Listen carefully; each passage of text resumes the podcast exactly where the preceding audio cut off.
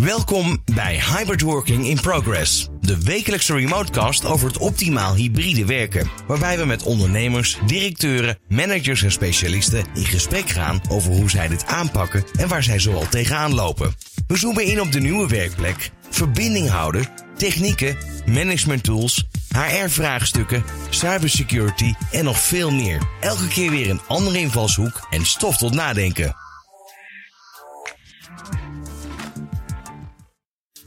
Dit is Hybrid Working in Progress met Mike Stern.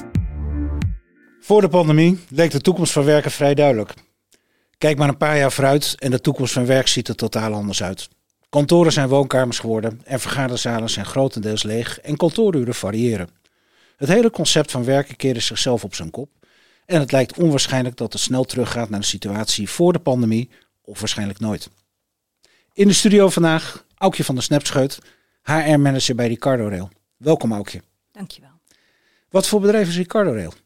Ricardo Rail is een consultancybureau in Utrecht. Wij werken met 165 medewerkers dagelijks aan slim, veilig en duurzaam openbaar vervoer in Nederland en uh, over de rest van de hele wereld. Ja, jij bent HR-manager bij Ricardo Rail. Ja, jullie hebben ook iets bijzonders gedaan. Want eigenlijk met de aanpak rondom het hybride werken, zoals jullie het hebben neergezet, hebben jullie de Gouden Werkplekken wordt gewonnen in de laatste summit. Uh, ik kom daar straks even op terug, maar het houdt wel in dat ja, jullie heel erg met het, uh, de inrichting van het proces al uh, bijna anderhalf, twee jaar bezig zijn. En dat heeft denk ik ook een hele interessante inzicht opgeleverd. Dat denk ik ook. ja. Nou ja, goed. Het, met de hybride werken aanpakken zoals jullie het hebben neergezet. kun je daar iets meer over vertellen? Jazeker. Allereerst zijn wij begonnen met het bepalen van een visie. Dat hebben we gevraagd aan, uh, aan ons uh, MT om dit te verzorgen, die visie. En uh, die visie hebben we vertaald naar het, een aantal te bereiken doelen. En hieruit bleek dat een aantal doelen, dat we die konden categoriseren of konden clusteren. En dan kun je denken aan de categorieën kantoor, huisvesting, cultuur en gedrag, gezondheid en welzijn en arbeidsvoorwaarden. Dus toen hadden we eigenlijk een beetje het raamwerk staan waar we het rondom het hybride werken over wilden hebben.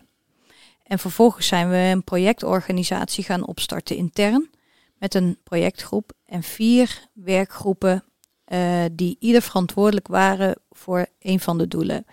En vervolgens zijn die verschillende werkgroepen aan de slag gegaan met het nadenken over wat betekent dat dan op deze verschillende categorieën. Wat is er dan nodig? Waar is de wens en waar is de behoefte? Ik neem aan dat de partijen binnen die werkgroep die daar deel hebben genomen, dat die uit verschillende bedrijfsonderdelen zijn gekomen. Dat jullie ook heel goed hebben gekeken. Ik noem maar even facilitaire IT, de meest voor de hand liggende. Jij natuurlijk vanuit HR. Ja, wat we hebben gedaan is, uh, is uh, de projectgroep bestond uit iemand inderdaad van alle stafdiensten. Dus uh, ICT, HR, net wat je allemaal noemt. En deze mensen waren vervolgens verantwoordelijk als leider van de verschillende werkgroepen waar medewerkers uit de organisatie gewoon bij betrokken waren. Dus dat waren echt medewerkers ja, uh, van de werkvloer. En uh, zodat uh, heel veel mensen eigenlijk in de verschillende werkgroepen betrokken waren om mee te denken. Was dat de belangrijkste reden, betrokkenheid? Of was het ook met name om een goed inzicht te krijgen in wat speelt zich op de verschillende lagen binnen de organisatie af? Deels, ja, dat, dat was ook een doel. Um, maar wat ook belangrijk is in het, in het werken in die werkgroepen met mensen uh, vanuit ons bedrijf, is dat het draagvlak vrijwel meteen heel groot is. Want het is eigenlijk voor en door medewerkers gedaan. En dan hoef je je ook minder druk te maken over uh, ja, de, het, uh, het adopteren van de, van de initiatieven. Want mensen Als, hebben het zelf bedacht. Nou, dat vind ik een heel goede insteek. Hè? Als je even een stapje terug gaat, want ik heb van jou ook begrepen dat dit samen is gegaan met het downsizen van een uh, kantoorruimte. Dat klopt. Kun je daar iets meer over vertellen hoe dat, uh, want uh, dan praat je over welke periode dat jullie dit ingezet hebben, begin 2021? Ja, wij, wij um, wisten in begin 2021 dat we begin 2022 zouden gaan verhuizen. en de eerste stap was het vinden van een nieuw pand. waarbij we echt een derde in zouden leveren van onze ruimte. Um, en toen dat helder was, dan was de volgende stap van en hoe gaan we dan zo goed mogelijk met die ruimte om? En wat is dan de behoefte van, van medewerkers om, om zich thuis en te voelen in die ruimte en fijn te kunnen werken? Ja, En iedereen kwam natuurlijk vanuit de situatie dat hij volledig thuis werkte. En voor ons in, als consultancybureau is het heel belangrijk om, om met elkaar samen te werken. En om goed te kunnen samenwerken en bijvoorbeeld te brainstormen is die ontmoeting zo belangrijk. En het was al heel snel duidelijk dat het op elkaar kunnen ontmoeten, dat dat een belangrijk, belangrijk gegeven zou zijn als doelstelling voor het pand. Nou, en vervolgens is het dan zo, ja, uh, als ontmoeten belangrijk is, ja, niet iedereen ontmoet elkaar op hetzelfde moment. Dus ook die online ontmoeting, die zal blijven bestaan. Nou, wat is er dan nodig om die twee werelden met elkaar te kunnen combineren en naar een ideale situatie voor uh, iedereen te komen? Ja, inmiddels zijn we ruim anderhalf jaar verder. Hè? Hoe ontwikkelt zich dat in de praktijk? Is het ook zo bij, dat bij jullie en met name het ontmoeten, hè, dat je ziet dat veel bedrijven hebben het zogenaamde dromedaarsmodel. Dinsdag en donderdag gaat iedereen naar het kantoor toe. Werkt dat ook zo bij jullie? Ja, dat is nog wel uh, het geval. Um, ik weet ook, we hadden van tevoren gedacht van ja, hoeveel mensen zullen er dan straks naar, naar kantoor komen? Um, en natuurlijk hebben wij pieken, met name maandag, dinsdag, donderdag. Um, en wat we eigenlijk doen is op andere dagen zijn er gewoon teams die bijvoorbeeld zorgen van zullen we een teamuitje doen of uh, een, een teamontmoeting doen op bijvoorbeeld woensdag, want dan is het rustig op kantoor en kunnen we zeker met z'n allen terecht in, als heel team. Uh, we hebben daarnaast bijvoorbeeld ook een, ik noem het een aanwezigheidsapp, maar die app is niet om te registreren van hoe laat ben je binnen. Die app is bedoeld voor de anderen om te kunnen zien wie is er wanneer op kantoor en wie kan ik dan ook ontmoeten. Om, om ook de ontmoeting vanaf thuis te kunnen organiseren. En de bezetting eh, van de kantoorruimtes natuurlijk. Ja. Ik kan me herinneren dat tijdens de vorige summit dat jij nog een verhaal hebt verteld over het uh, zwembadhanddoekje. Ja, ja, dat klopt. Kun je dat voor de luisteraars nog even toelichten? Even de sidestep hoor, maar wel leuk. Ja, het was, uh, we waren een beetje bezorgd van tevoren over uh, gaan dan mensen uh, s morgens heel vroeg binnenkomen om alvast hun laptop te installeren en dan vervolgens hun eigen gang te gaan. Net zoals je dat wel kent van, van de resorts in het buitenland waar mensen alvast het handdoekje neerleggen voordat ze gaan ontbijten. Bij het zwembad. Ja, ja bij het zwembad. En we hebben dan ook een van de, van, de, van de gifts die we hebben gedaan toen we open gingen, was iedereen een handdoekje gegeven. Uh, ja, om dat een klein beetje met een uh, kwinkslag uh, te benaderen. Overigens is dat nooit gebeurd. Het is ook, het is ook nog niet gebeurd dat um, we plaatsen tekort kwamen bijvoorbeeld. Dat was een hele grote angst vooraf, maar dat is niet zo. Heeft er ook mee te maken dat we een bepaald percentage altijd aan het werk is voor en bij klanten. Nou ja, waarschijnlijk is de boodschap met handdoekje geland. Even een heel andere vraag. Hè. Als je kijkt naar, we hebben er al eens eerder over gesproken. Je gaat op een gegeven moment zo'n traject in. En dan ga je beginnen. En dan zie je vaak dat budgettering is altijd een uitdaging. Hè. Want iedereen heeft zijn eigen budget en moet dat natuurlijk bewaken. Ja, dan krijg je in één keer met uitgavenpatronen te maken. Je krijgt met nieuwe kosten te maken. Houdt ook in dat je dan ook waarschijnlijk met politiek te maken krijgt en eilandvorming. Hè. Mijn budget. Hoe hebben jullie dat opgelost in de aanloop naar het hele opstarten van het proces? Nou, aan de voorkant is het natuurlijk altijd zo dat het ergens start. Uh, in ons geval gingen wij besparen op de vierkante meters. Uh, voor een huur, huurcontract. En een huurcontract is, uh, is voor lange termijn. En ik heb aangegeven, ja, als we echt een serieuze goede slag willen maken voor onze medewerkers, dan zul je het ook moeten zien als een investering. En die verdient zichzelf wel terug. Van hoeveel meter en hoeveel meter zijn jullie gegaan? Uh, van 3000 naar uh, 2000. Dat is 1000 vierkante meter waar je over praat. Ja, ja. ja dat is wel uh, significant. Ja. En daar waren me medewerkers natuurlijk heel bezorgd over. Dus ik zei, als je nou met, als je er met de HR-bril naar kijkt, van zorg dan ook dat die meter, die werkplek, dat die er gewoon goed uitziet. En ik snap wel, je bespaart wel op de inkoop, maar niet meteen in het eerste jaar. En eigenlijk uh, financiën was zich daar, onze financieel manager was zich daar eigenlijk ook wel vrijwel meteen heel bewust van.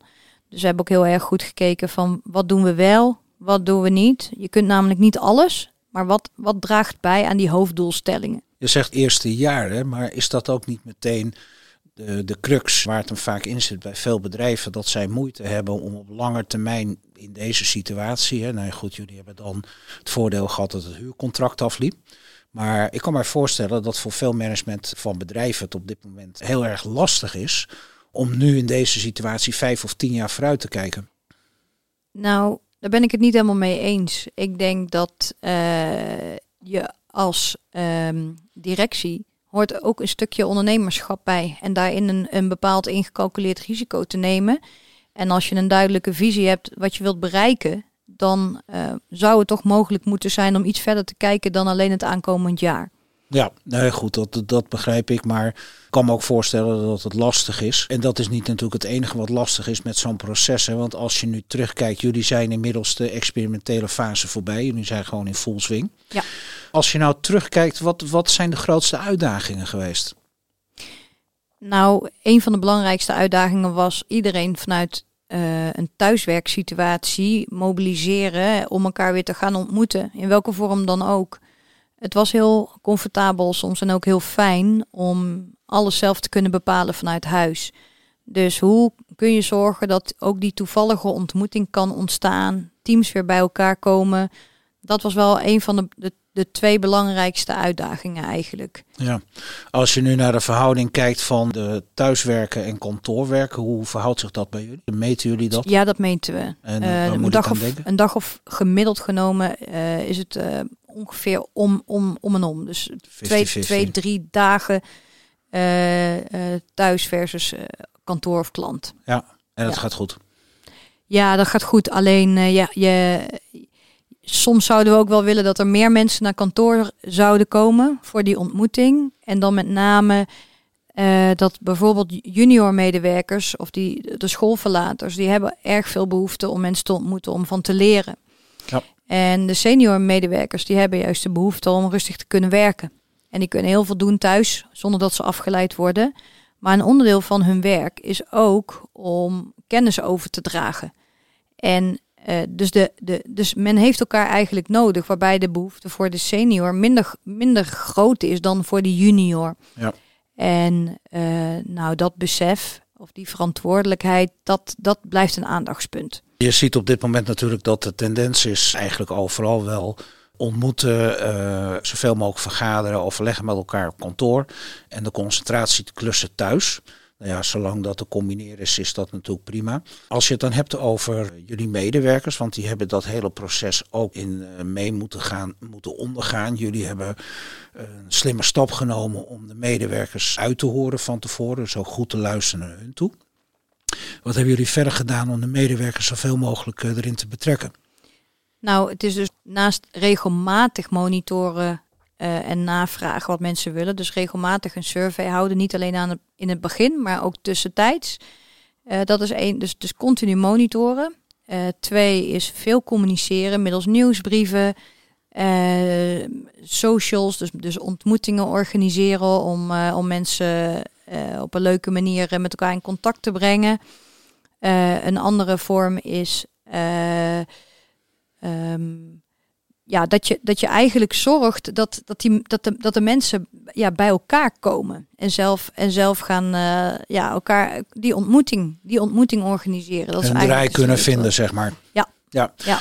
Als je nu kijkt, jullie uh, zijn inmiddels een heel stuk verder. Waar liggen nu op dit moment voor jullie de grootste uitdagingen? Want uh, het is natuurlijk, er zitten heel veel leermomenten in. Het is learning by doing. Waar zitten voor jullie nu de grootste uitdaging op dit moment nadat jullie al een tijd op deze manier werken? Nou, allereerst uh, zijn er dan dingen die in de praktijk net even anders uitpakken rondom bepaalde faciliteiten.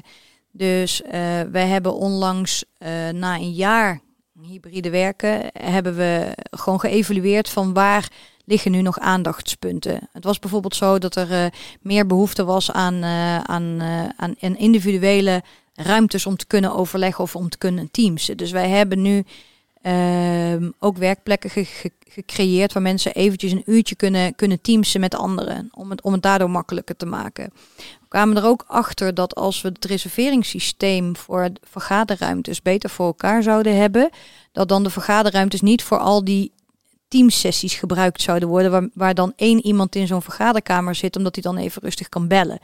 Dus dat hebben, we, dat hebben we gezien. Dus we zijn nu bezig met de inkoop van een, van een beter uh, reserveringssysteem bijvoorbeeld. En een ander punt is nog steeds dat de behoefte groot blijkt om elkaar, om, om kennis te delen en elkaar te ontmoeten.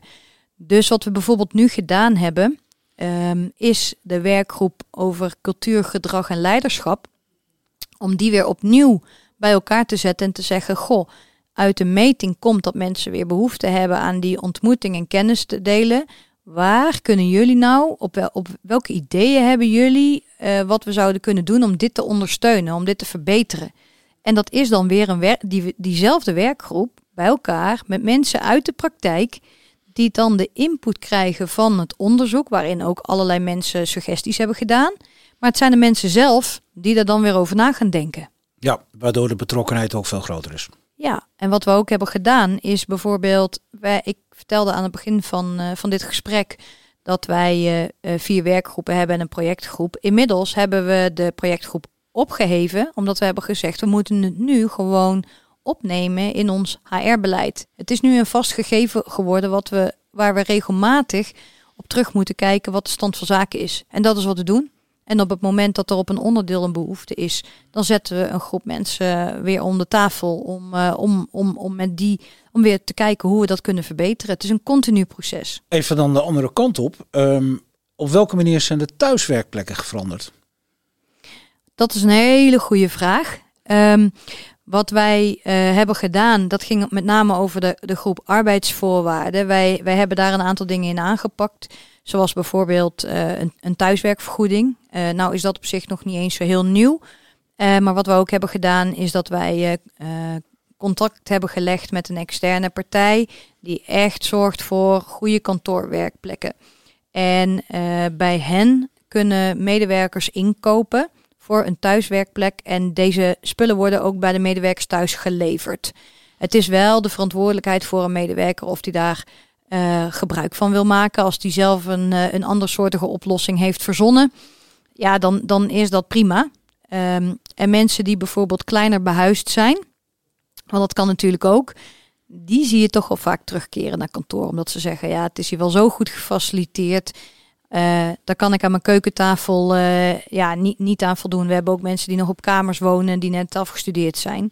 Die hebben de ruimte niet om daar een uh, fancy bureau neer te zetten. Dat scheelt ook weer in de energiekosten. Hè? Ja, ja, overigens is het leuk dat je het zegt. Maar we hebben ook daar over, over nagedacht. En wij denken dat mogelijk die energieprijzen er nu wel eens voor zouden kunnen zorgen dat er meer mensen naar kantoor komen. Ja, nou, dat, uh, daar worden wel eens wat grapjes over gemaakt, maar het is niet ondenkbaar inderdaad. Nee. Ja, als je vijf dagen per week uh, s ochtends om acht uur de verwarming uh, vijf, zes graden lager zet, dan tikt dat aardig aan natuurlijk. Ja, precies. Zijn er nog andere dingen die jullie ook voor de thuiswerken faciliteren? schoonmaakdiensten of wat je, je hoort natuurlijk allerlei verschillende dingen voorbij komen. Hebben jullie er ook nog dingen voor bedacht? Nee, daar hebben we geen, geen specifieke dingen voor bedacht. Heeft er ook een beetje mee te maken dat medewerkers eigenlijk vaak zelf wel hun eigen vorm daarin uh, in, in vinden die voor hen prettig is. Ja. Nou zijn we inmiddels na de summit ruim drie maanden verder. Jullie hebben toen een presentatie over dit hele concept gegeven. Dingen gaan ontzettend snel op dit moment. Als je nou in het tijdframe even kijkt van, van juni tot en met nu. Wat is er in jouw beleving essentieel veranderd op dit moment? Bij ons in onze organisatie? Ja. Nou, ik denk dat uh, wat misschien wel een beetje veranderd is, is de trots dat we toch wel mooi met z'n allen hebben gedaan. Ja. En uh, ik denk ook, uh, uh, wij, ik heb de presentatie gegeven, maar we hebben natuurlijk ook de Gouden Werkplek Award gewonnen. Die staat bij ons in het pand. Kijk. En ja, um, het is niet mijn prijs, het is onze prijs. We hebben het met z'n allen gedaan. En ik vind dat je die successen ook best wel eens mag vieren. Wij zijn vaak erg bescheiden. Dat past een beetje bij het profiel van een ingenieur. En ik zeg dan, ja, dat, uh, dat snap ik. Uh, maar we hebben het wel allemaal gedaan. Ja, zo is het maar net.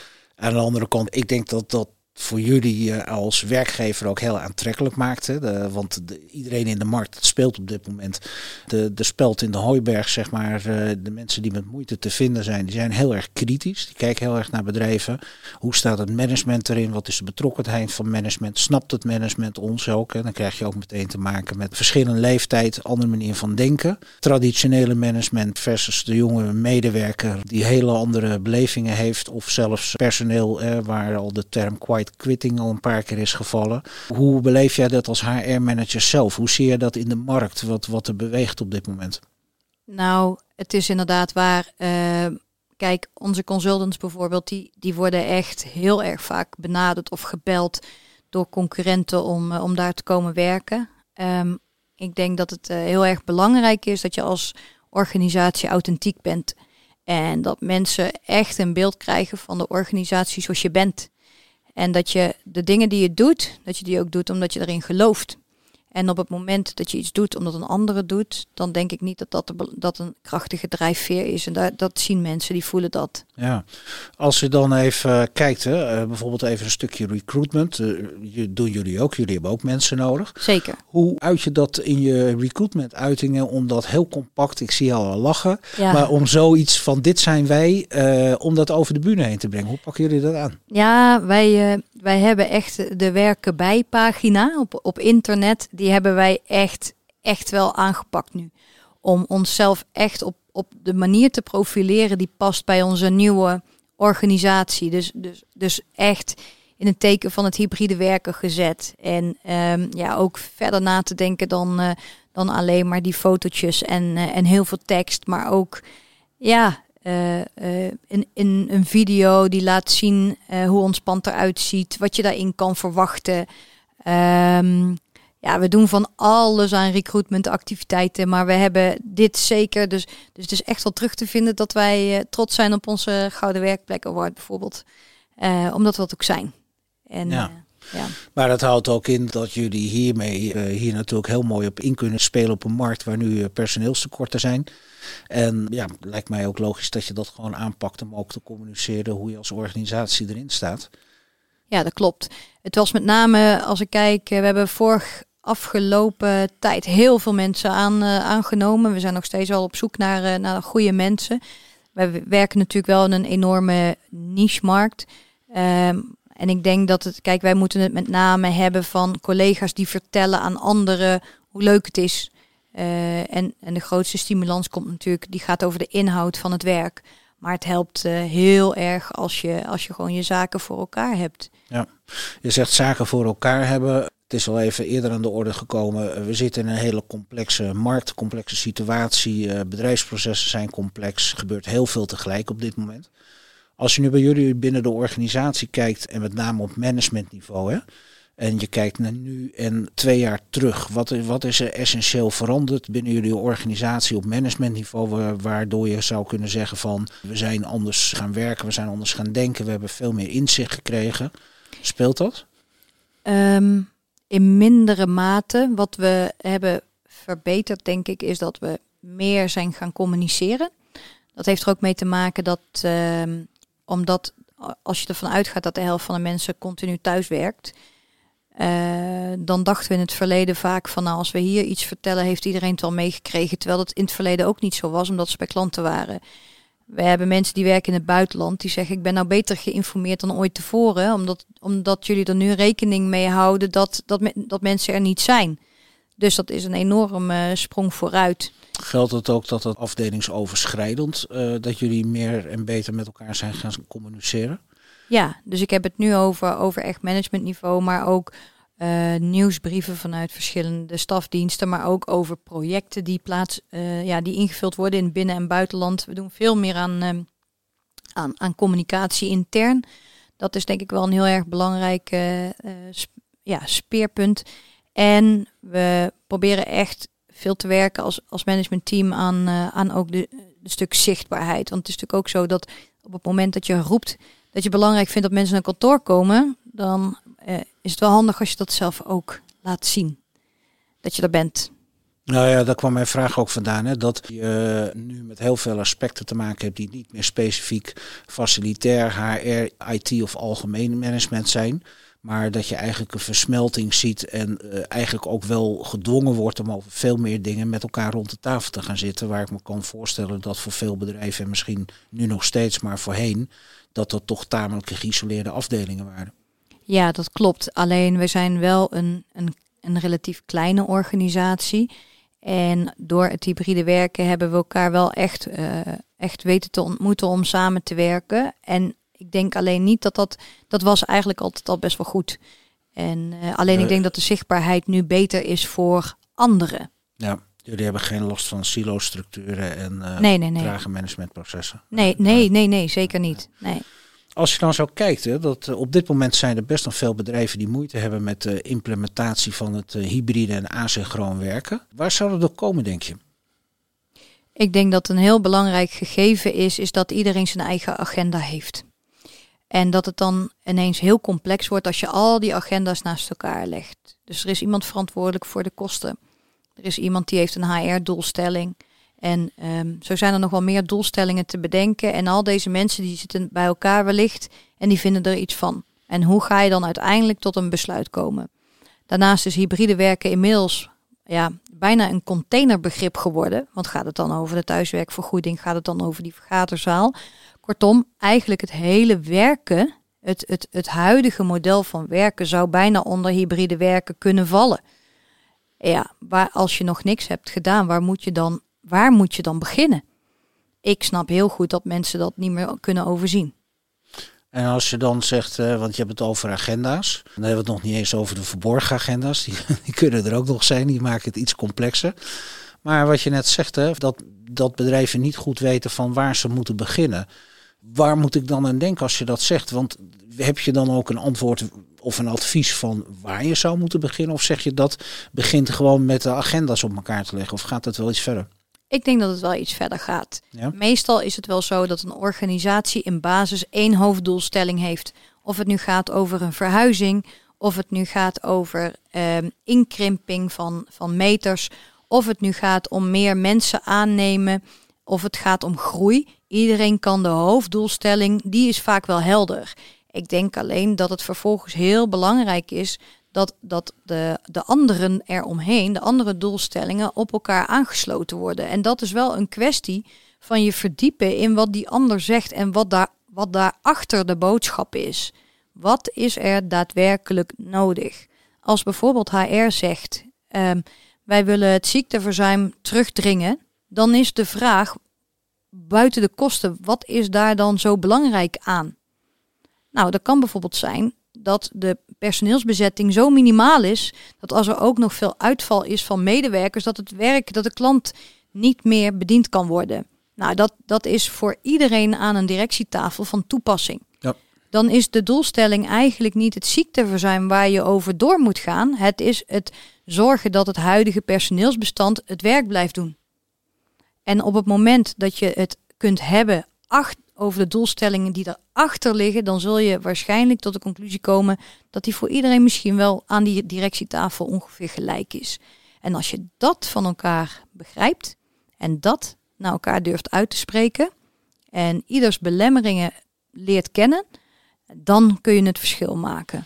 Wat jij dus eigenlijk zegt, als ik het heel kort samenvat, is dat je bij het inzetten van processen en uh, zeker als je succesvol wil zijn, dat je eigenlijk overal aan de wortel moet beginnen. Dat je eigenlijk eerst heel goed moet doorkijken en doorvragen van waar loop jij als collega, afdeling, medewerker tegenaan.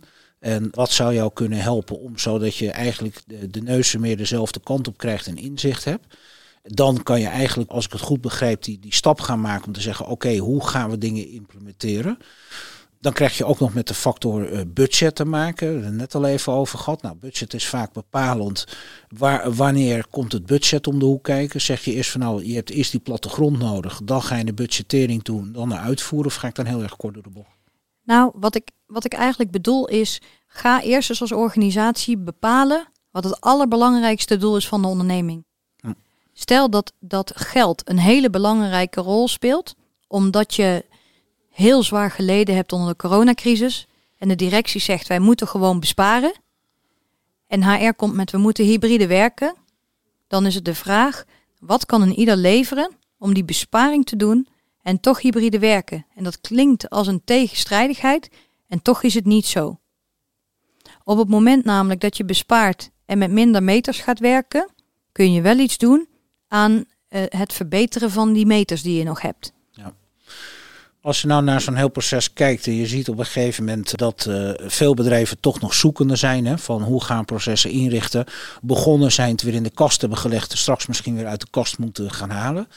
Is er iets waarbij je voor jezelf in dat hele proces wat jullie uitgerold hebben, iets hebt ervaren, hebt meegemaakt, een aha-erlevenis dat je zegt van nou, dat zou ik wel heel graag nog willen delen met de luisteraars. Dat, uh, dat is toch wel iets heel bijzonders waar ik iedereen iets uh, mee, mee kan geven ik zou zeggen, ga niet als een kip zonder kop allerlei initiatieven ontplooien. Stel de vraag aan je medewerker. Wat heb je nodig om een goede werkgever te zijn? Of, wat heb jij nodig zodat je hier fijn werkt? Ga dat net eens ophalen. Ga dan eens kijken wat er nodig is. Ga dan daarnaast de doelstellingen bijleggen van uh, ja, de, de organisatie of de directie. Ondernemingsdoelstelling. juist. En ga die maar eens op elkaar leggen. Ga daar maar eens mee beginnen. En ik durf te zeggen dat het helemaal niet zoveel verschilt. Want uiteindelijk heeft iedereen hetzelfde belang. Ja, nou een ontzettend duidelijk verhaal. Uh, leuk, leerzaam. En er kort uh, samengevat, uh, er valt dus nog heel veel te ontdekken en te leren voor bedrijven. Ik wil jou in ieder geval ontzettend bedanken voor jouw komst naar de studio toe en deze bijdrage. En erg leuk dat je ons een inkijkje hebt gegeven in de manier waarop jullie het succesvol hebben aangepakt. Heel graag gedaan. Dankjewel. Leuk dat je weer hebt geluisterd. En volgende week zijn we weer met een nieuwe Remotecast. Heb je een aflevering gemist? Of wil je zelf deelnemen aan onze live events en netwerken? Kijk dan voor meer informatie op remoteworkingsummit.nl. Deze Remotecast wordt mede mogelijk gemaakt door Communicatief.